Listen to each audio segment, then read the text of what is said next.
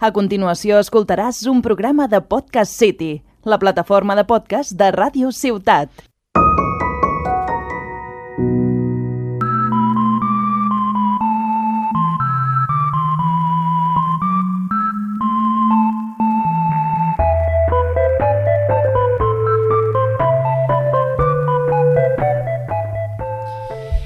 Bienvenidos a esta primera entrega de Incógnitas. Ya no es hablamos de terror, porque si de una cosa me he dado cuenta es de que a la única cosa a la que debemos tenerle miedo es a la ignorancia.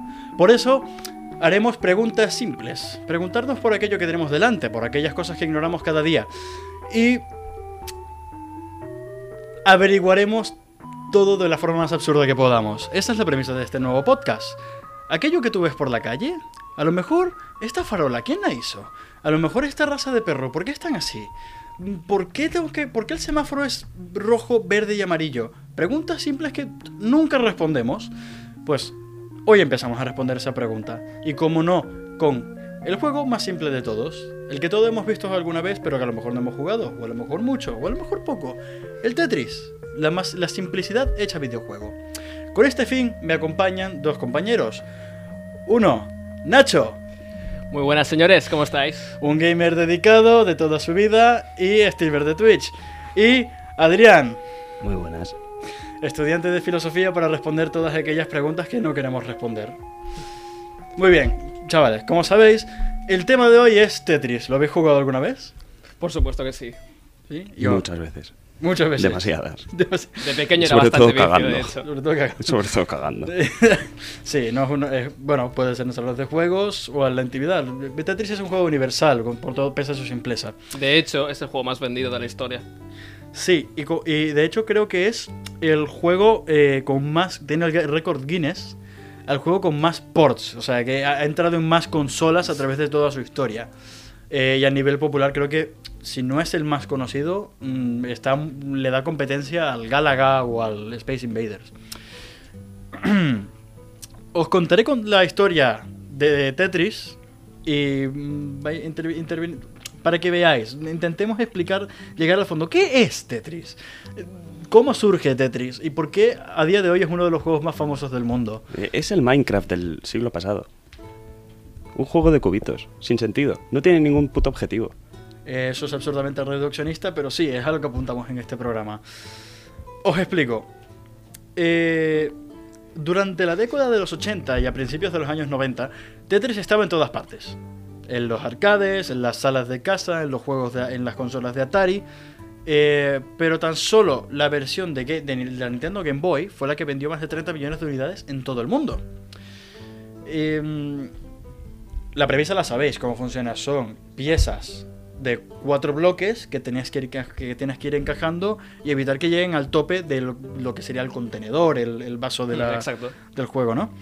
Eh, eso es en los 80 y 90. Y, y- y pese a ser un juego tan simple y tan básico y tan, elemen- tan fundamental en el desarrollo de, de nuestra juventud y de nuestro... Bueno, hay varias razones. De hecho, Tetris tiene varios usos. eh, para tratar ansiedad, para tratar... De hecho, el estrés postraumático también se utiliza bastante, ya iremos a eso. Pero es innegable que Tetris forma bastante parte de nuestra vida. O formó. O podría. Y No lo, lo sé. y lo seguirá formando. Y lo seguirá formando. Eh, Moriremos nosotros y mi nieto seguirá jugando Tetris. Porque prácticamente es el fundador de los videojuegos. Bueno, no sé si el no sé cuál fue el primer videojuego. El Pong fue el primer videojuego. Eh, pero Tetris fue una revolución en sí misma. Eh, ¿Por qué? No solo por el momento o por la fama que ganó, sino por el lugar donde nació, que es el que en principio menos te esperarías. El creador del juego de Tetris fue el matemático ruso Alexei Pajitnov. No sé si he pronunciado eso bien, no lo voy a volver a pronunciar. Un aficionado a los rompecabezas que trabajaba en el centro de computación de Dorichnich eh, de la Academia de Ciencias de Moscú. Antigua Unión Soviética. Vaya. La intención de Pajitnov era recrear en un ordenador, ¿vale? Un ordenador, o que en ese momento era un ordenador, eh, un juego similar al Pentominos, que en Rusia era un juego de rompecabezas para uno o varios jugadores, en el que tenías que encajar piezas geométricas formadas por cinco cuadrados en una caja de madera. Esto es importante porque el nombre de Tetris vendrá de esto. Eh, Alexei imaginaba que las piezas de Pentominos caían en un vaso y que los jugadores podían desplazarlas a ambos lados y rotarlas, lo que sería la mecánica del juego al final. Todo para, generar formas completas. No obstante, el juego resultaba muy difícil utilizando cinco piezas, así que decidió simplificar- simplificarlas por figuras de cuatro cuadrados, llamadas tetróminos. De allí el nombre de Tetris.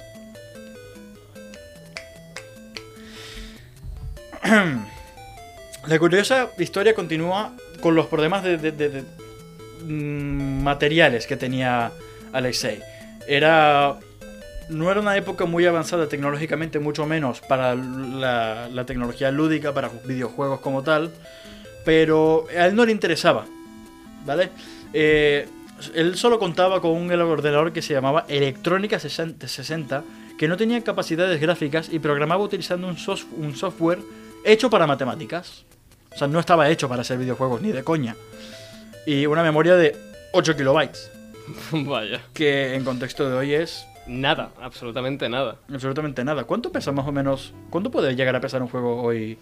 Hoy en día eh, puede alcanzar 30 gigas, 40, incluso 100, la verdad. Incluso 100. Incluso 100 y 150 gigas. O sea que hemos avanzado bastante. Muchísimo. En, lo- en los últimos 50 años la tecnología, eh, sobre todo en el aspecto de los videojuegos, ha, ha ido increíble, la verdad. O sea, ¿quién te diría cuando salió el Tetris que hoy en día tendríamos juegos como GTA, eh, God of War o juegos así por, por el estilo? O sea, ha sido un cambio increíble.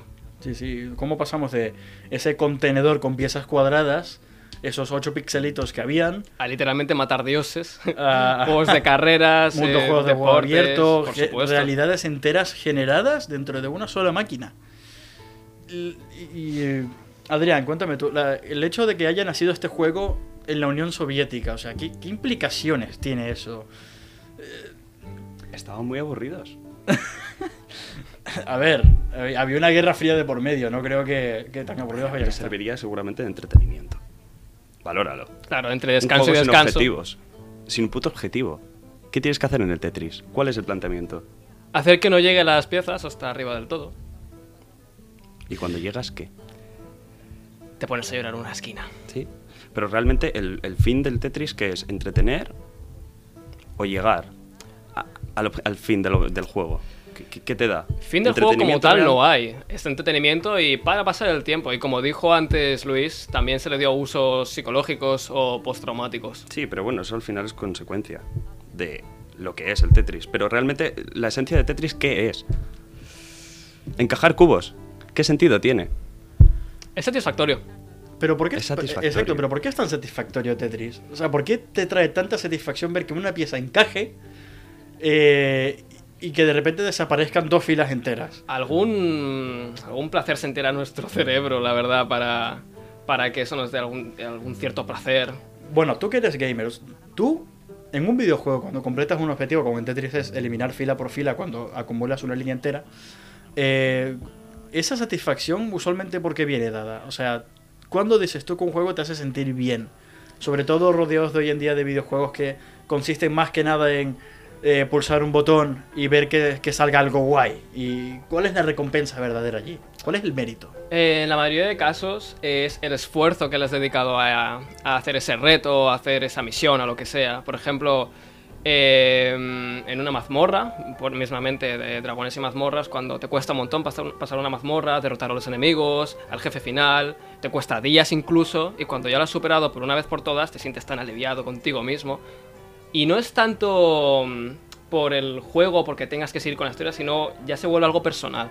Entonces eso te, te produce mucha más satisfacción a la hora de completar el reto. Y el Tetris, claro, es que al ser tan primitivo, por así decirlo, el Tetris... eh, Bueno, palio videojuego, ¿no? En plan... Claro, o sea, para el estándar Son que hay actualmente en, pilares. en lo- en lo- en estos días, el Tetris es muy simple. Es un juego muy simple. Entonces, simplemente la, final- la- la finalidad del juego era no subir arriba. Y cuanto más durases, mayor era la, era la satisfacción. Sí, pero no estás respondiendo a la pregunta. cu- ¿Cuál es la satisfacción real? ¿Dónde va eso? ¿Va dirigido a un fin? ¿Es un medio de entretenimiento? ¿Cuál es? Es un medio de entretenimiento. Sí, ¿quién te entretiene? La supersimetría que tiene. Porque tú eres jugador profesional. Digámoslo así. Realmente valoras los contenidos gráficos, supongo. Sí, la verdad que es un aspecto bastante importante. Para pero mí, pero como no tiene por qué, aficionado, lo es. No tiene por qué. No tiene por qué, o Es sea- importante, pero no tiene por qué. Bueno, de hecho, una polémica hoy en día. eh, a ver, Tetris de gráficos tiene nada. O sea, son cuatro píxeles que Sí, van bajando en una pantalla. Vaya, literalmente son cubos. Literalmente son cubos y es todo lo que ves. Es una pantalla plana, 2D, completamente. No, no, no- creo que ni siquiera se presta a que haya más de una dimensión. Se intentaron hacer, eh, los de Atari, cuando salió el. compraron la firma y tal, intentaron hacerlo en 3D. Crear volúmenes, pero era imposible. La mecánica del juego es la mecánica del juego. Sí, sí, pero ahora una polémica bastante discutida hoy en día en el mundo de los videojuegos, por lo que entiendo, es la cantidad de, de gráficos que tenga un juego. Mientras más realista se vea, mejor. Pero eso la- eh, es una implicación interesante, ¿eh? porque el juego te llama más la atención mientras más realista sea. Pero, claro, a más realista sea, ¿cuándo sabes que estás, o sea, estás intentando jugar al videojuego o vivir otra vida? ¿No? Eh, No sé si me estoy explicando. Es un hecho de que la mayoría de personas que les gustan los videojuegos va a flipar más con un juego realista que con un juego pixelado mismamente. Como puede ser Tetris. O uno de los ejemplos más buenos, A que lo, viene, mejor, a lo mejor porque es más inmersivo, ¿no? por supuesto, y tiene pinta de... O sea, a simple, vista, a simple vista te da la sensación de que el juego va a ser bueno. Pero claro, eso es sin saber nada sobre el juego. Pero uno de los ejemplos, uno de los juegos para poner ejemplo en este caso es el Minecraft. Es un juego que, vaya, los gráficos siguen siendo cuadrados. No tiene buenos gráficos. Los gráficos son píxeles. Y Minecraft es uno de los videojuegos más vendidos de la historia. Casi 150 millones o incluso 200 millones de copias vendidas. Y claro, con esto quiero decir que que los gráficos no siempre importan, ya que el éxito de, de Minecraft es su jugabilidad. Entonces lo mismo puede pasar con Tetris. Es que no De hecho, lo mismo fin. pasa con Tetris. Es que es muy interesante ver cómo las cosas que no tienen fines es lo que más nos llama la atención. Y son simétricas. O sea, tú hablabas antes del God of War. Juegazo, unos gráficos increíbles.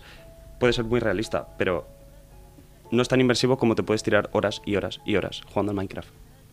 El, el La sensación y la música, sobre todo, que es muy importante. el- el Tetris como juego es básicamente inmortal, ¿no? No ha habido, de hecho, hace no mucho salió esto de Tetris 99, creo que era, donde 100, 100 personas jugaban Tetris al mismo tiempo, intentaban eliminarse unas a otras en una misma casilla. Era un Battle Royale prácticamente. Yo he jugado a eso. Yo también. Desde el teléfono. Salió en Nintendo Switch Un- hace un par de años. Sí, de la Nintendo un Switch Battle también. Royale en Tetris. O sea, Sí. imagínate cómo se va reinventando un juego tan simple. Y ¿Cómo tuvo éxito, de hecho. ¿Cómo podemos o, reapro- o re- reaprovechar o desecrar un juego tanto como para generarlo de esa manera y que siga en vigencia? Es interesante como la comunidad de videojuegos y la comunidad, en, la cultura audiovisual en general no permite que cosas así mueran. Y cómo le dan tanta significancia a un solo significante, ¿no? Eh, por ejemplo, un dato curioso es que cada uno de los bloques del Tetris, que son seis, tiene un nombre. Sí, sí, tienen un nombre.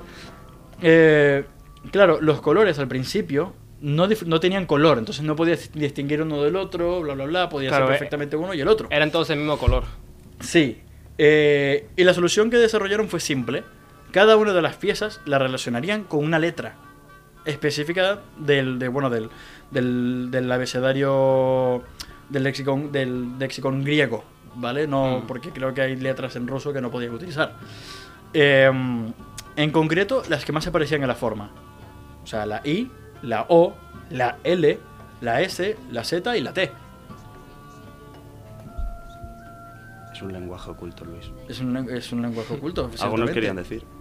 Eh, y mira que tanta inversión en este juego, le dan darle nombres a, a cuatro bloques. O sea, darles un nombre y reconocerlos. Y hay gente que seguramente ha invertido toda su vida intentando ser campeones en Tetris.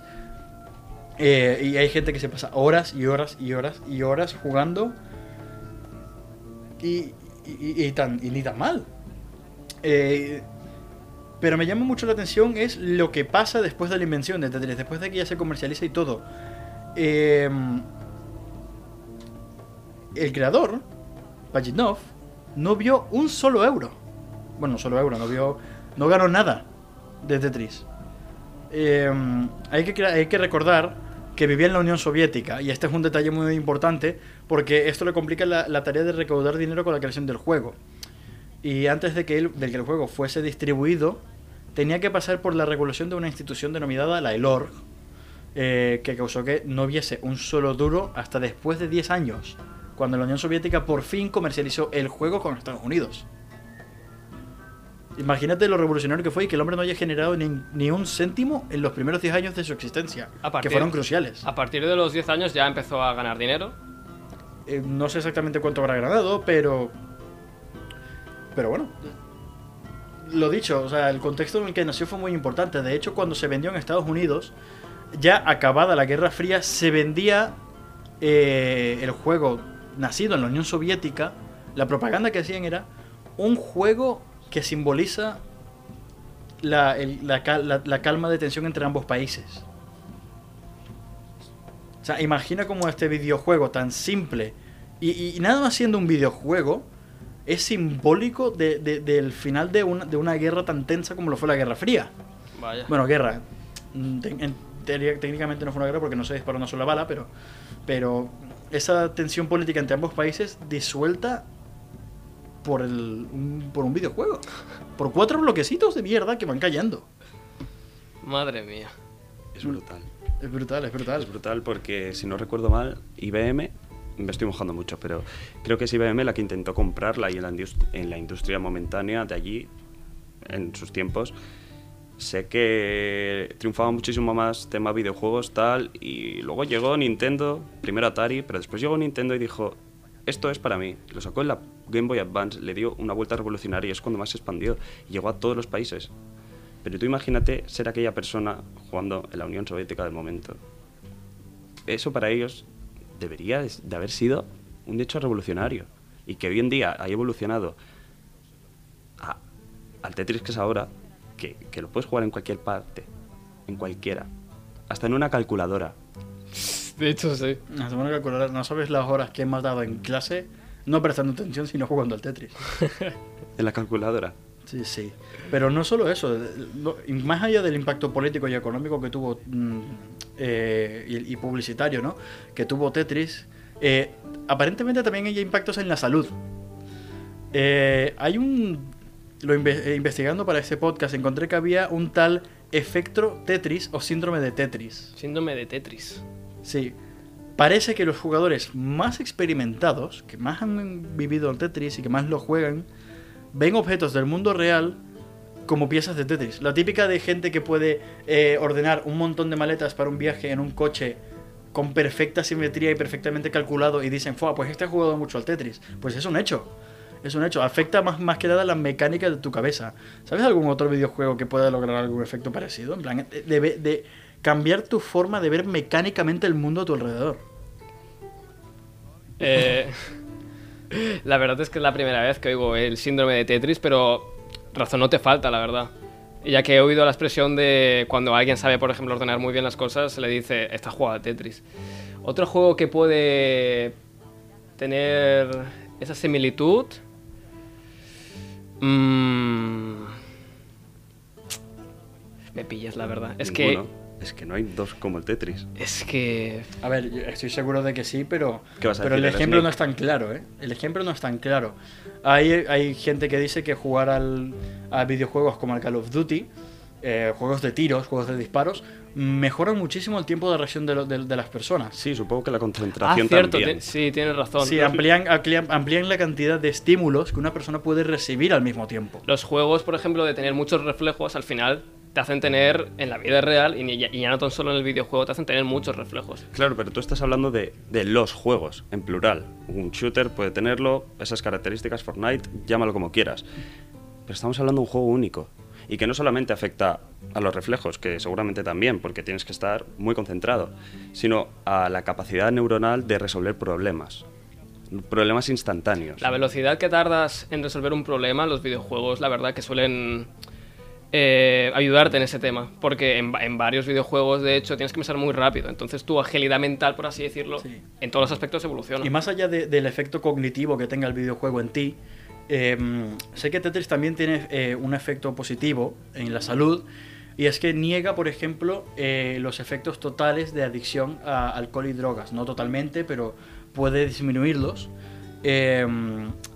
Elimina aquellos antojos de aquellos antojos, aquellos deseos momentáneos, como el de picar a ciertas horas, el hambre momentánea que después te arrepientes.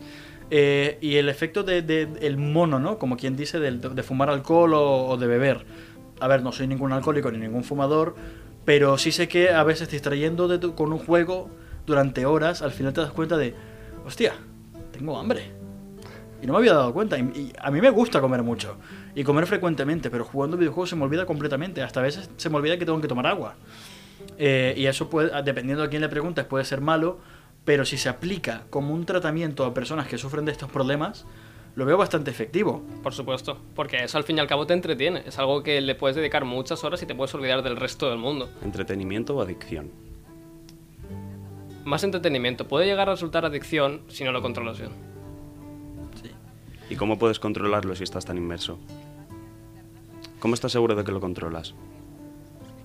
Siendo consciente en todo momento. ¿Consciente de qué? Si estás totalmente concentrado. Tu mente no puede hacer dos cosas a la vez. No puede procesar una concentración absoluta con el hecho de puedo dejarlo cuando quiera. Porque te estás mintiendo a ti mismo. No voy a mentir cuando digo que, por ejemplo, ha habido un videojuego que me ha tenido tan tan pendiente de él que se me ha olvidado comer, se me ha olvidado beber agua, se me ha olvidado hacer mis tareas. Eh, pongo el ejemplo, de, el, el ejemplo perdón, de Red Dead Redemption 2, que para mí es un juegazo, vaya. Me lo pasé en, en casi una semana. Y vaya, era eh, despertarme por la mañana y hasta por la tarde o así quedarme jugando y olvidarme de, mi- de mis demás tareas. Ahí sí que te, te tengo que dar la razón. Pero normalmente tú puedes controlar eso. ¿Sí? Puedes controlar, siendo una persona alcohólica, el consumo que haces de alcohol. Como ha dicho Luis, se puede. Se puede. Sí. ¿Con ayuda o sin ayuda? Si tienes mucha fuerza de voluntad, lo puedes hacer tú solo. Fuerza de voluntad. A ver, es toda cuestión de cómo se aplique. Videojuegos pueden ayudar, pueden generar una adicción tan bestia como pueden eh, mm, ayudar, ¿no? Eh, más que nada es el enfoque que se le quiera dar. Usualmente va mucho ligado a la capacidad social que tenga la persona y cómo comparte esa persona los videojuegos con su entorno. Si es basta- eh, eh, no es ninguna mentira que jugar con amigos mejora bastante las capacidades sociales y de hecho refuerza bastante el vínculo con, con tus amistades y con quien sea. Eh, incluso en relaciones afectivas se ha visto que gente que comparte juegos entre parejas amorosas eh, mejora mucho las dinámicas de relación. O sea que es contextual del sujeto y no contextual del juego. O sea, los juegos no tienen nada que ver. No, el juego- sujeto. Dicen que el juego no te hace violento, pero disminuye tu reacción ante la violencia. Pero mm, es una falacia, me parece, porque es una cosa de... Hay una frase, no recuerdo dónde la leí, que ponía que el mundo no es más violento ahora. Es igual de violento que siempre, solo que ahora lo vemos más. La violencia está más normalizada, solo que siempre ha estado allí.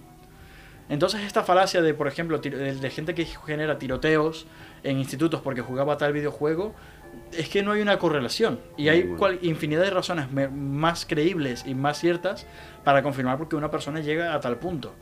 Lo que pasa es que a veces puede ser agenda política o agenda de los medios de comunicación de criticar, eh, intentar bu- buscar un culpable para una tragedia que afecta a muchos. Claro. Y más si no tiene cuerpo. Los videojuegos afectan a los menores. Los hacen más violentos. ¿A quién estás echándole la culpa? Algo que realmente es un concepto, una idea Además, que no existe. de- es una cuestión de sí saber que, si eres un padre, saber qué está jugando tu hijo, por qué lo está jugando, cómo lo está jugando, etcétera, etcétera, O etcétera. no hace falta.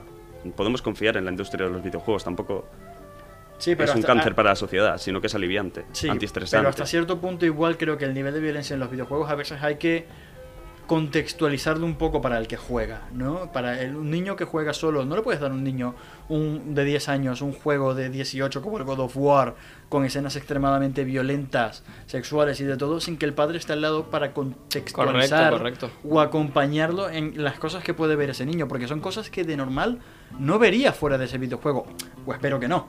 Pero es de sentido lógico, tampoco le vas a dar el Quijote para que se lo lea. Cierto, pero también es la capacidad cognitiva, cognitiva del niño. Pero si un niño crece rodeado de videojuegos violentos, como te he dicho, los videojuegos cada vez son más reales. Mientras más realista, la gente tendrá a jugarlo más. El Red Dead Redemption, me recuerdo que, una campaña publicitaria que hicieron fue que si ibas a caballo y te metías en una zona bastante fría, podías ver cómo los testículos del caballo se reducían. Y, y a la gente le la eso razón. mucho la atención. Y, y- y- en esencia, estás viendo como un caballo se le disminuyen los testículos. Pero eso no, Yo lo he visto. Eso no es llamativo. Eh, Detallitos, El, detallito, detallitos. el detallito es lo que, lo que llama la atención. Esa clase de detalles hacen el juego mu- mucho Mu- mejor, vaya. mucho- o sea, mejor por inmersivo. Son valores añadidos. Sí. Simplemente. Pero que puede mejorar el- la calidad del juego y la experiencia del juego uf, un montón, la verdad. Sí, pero si son en- eh, con frecuencia, pero si simplemente se le encogen los testículos claro, a un caballo, si realmente es, si es es- solo un detallito de nada, pues obviamente no va a afectar mucho. Claro, pero aquí está mi- mi- ese planteamiento que he hecho, ¿no? De si el juego es cada vez más realista y cada vez lo juegan niños de menor edad, porque suele pasar que cada vez los niños, mientras de más pequeños em- empiezan a crecer ya con videojuegos desde antes, eh, mientras más realista, más inmersivo. Y mientras más inmersivo, un niño con menor capacidad cognitiva, menos entenderá que este juego no es la realidad. Pero eso ya es problema de los padres, como has dicho tú antes. Claro, ¿Por ahora, videojuegos o, o, o películas o series violentas hacen a las personas violentas, yo creo que eso ya es una pregunta para otro día. Por ahora, esto ha sido el primer capítulo de Incógnitas. Hasta luego. Y sido muy un buenas noches. señores. buenas.